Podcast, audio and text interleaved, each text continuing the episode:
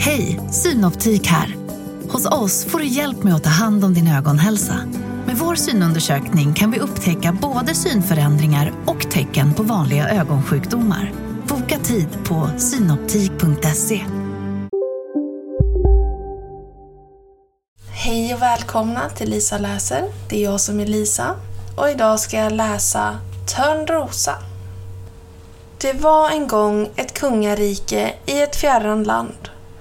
Kungen och drottningen var mycket lyckliga eftersom de just fått en liten vacker prinsessa. De gav henne namnet Isabelle.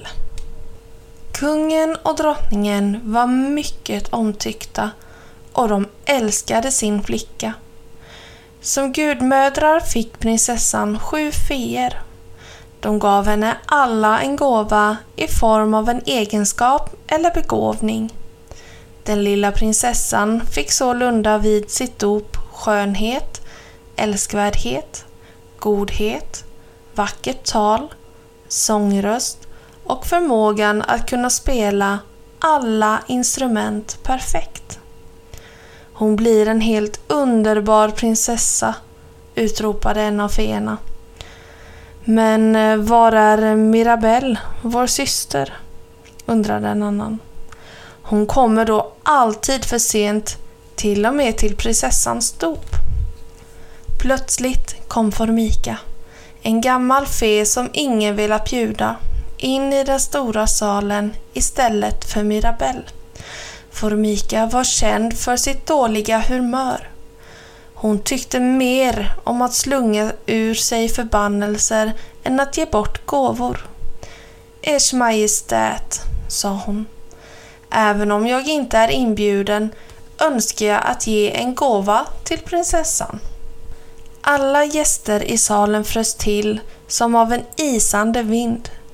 Den elaka fen lutade sig över vaggan och med ett ondsint leende Innan prinsessan Isabelle har fyllt 16 år ska hon sticka sig i fingret på en slända och dö. Drottningen kastade sig gråtande i sin makes armar. Men Mirabelle, den sjunde fen, hade kommit nu. Hon hade också en gåva till prinsessan. Hon sa med hög röst Oroa er inte. Jag har inte makt att utplåna denna förbannelse, men jag kan mildra den. Prinsessan ska inte dö. Hon ska falla i en djup sömn som varar i hundra år. Bara en modig prins kan väcka henne. Kungen ville till varje pris hindra att den olyckliga spådomen slog in. Han befallde att alla sländor i kungariket skulle brännas. Överallt i landet tändes stora eldar. Invånarna kom lydigt och kastade sina sländor i elden, medvetna om faran som hotade prinsessan. Det gick 16 år och Isabelle blev både vacker och god.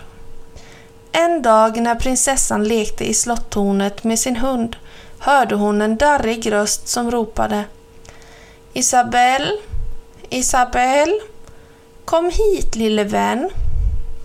Vem är du? Och vad är det där för någonting? frågade Isabelle nyfiket eftersom hon aldrig hade sett en slända förut. Den använder jag för att spinna ullen. Vill du prova? frågade kvinnan. Knappt hade prinsessan tagit i sländan i sin hand förrän hon stack sig i fingret och föll i en djup sömn. Formika, den onda fen, för det var just hon, brast ut i skratt. Sov gott, min sköna. Du har hundra år på dig att vila. Kungen och drottningen blev förkrossade av sorg och lät bära prinsessan till hennes säng. Fen Mirabelle tänkte på hur olycklig Isabelle skulle bli när hon vaknade ensam, utan familj och vänner hundra år senare. Därför gjorde fen så att slottets alla invånare, människor såväl som djur, föll i samma djupa sömn. Sedan lät Mirabelle ett virvar av törner, rosor och hagtorn växa upp runt slottet. Det var så kraftigt att ingen någonsin skulle kunna ta sig igenom det. Hundra år gick. En prins hörde talas om det märkliga slottet där alla sov en djup sömn sedan mycket länge och där en vacker flicka vilade.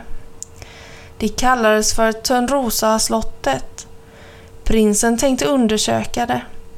Knappt hade han vidrört törnerna med sitt svärd förrän de taggiga växterna vek sig åt sidan och bildade en gång där han kunde passera. Prinsen gick in i den stora salen på slottet. Det han såg fick blodet att frysa till is. Där inne härskade en djup tystnad. Män, kvinnor, barn, djur, alla verkade döda. Den unge mannen såg emellertid på deras ansikten att de bara sov, insomnade sedan 100 år tillbaka. Överallt låg sköna damer och riddare, pager och husor, alla i djup sömn. Till slut kom man till ett magnifikt sovrum. Där upptäckte han den vackraste flicka han någonsin hade sett, prinsessan Isabelle. Han närmade sig sängen och beundrade henne. Sedan böjde han knä vid hennes sida och tog hennes lena hand i sin. Prinsessan öppnade genast sina ögon och log mot honom. Är det du, min prins, sa hon. Jag har väntat på dig.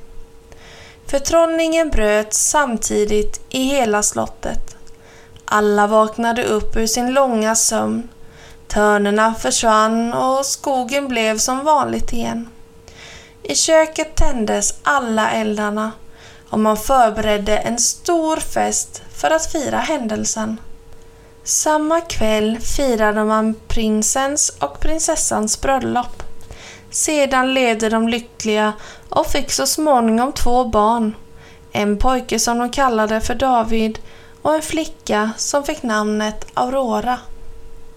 Och snipp, snapp, snut så var sagan om Törnrosa slut.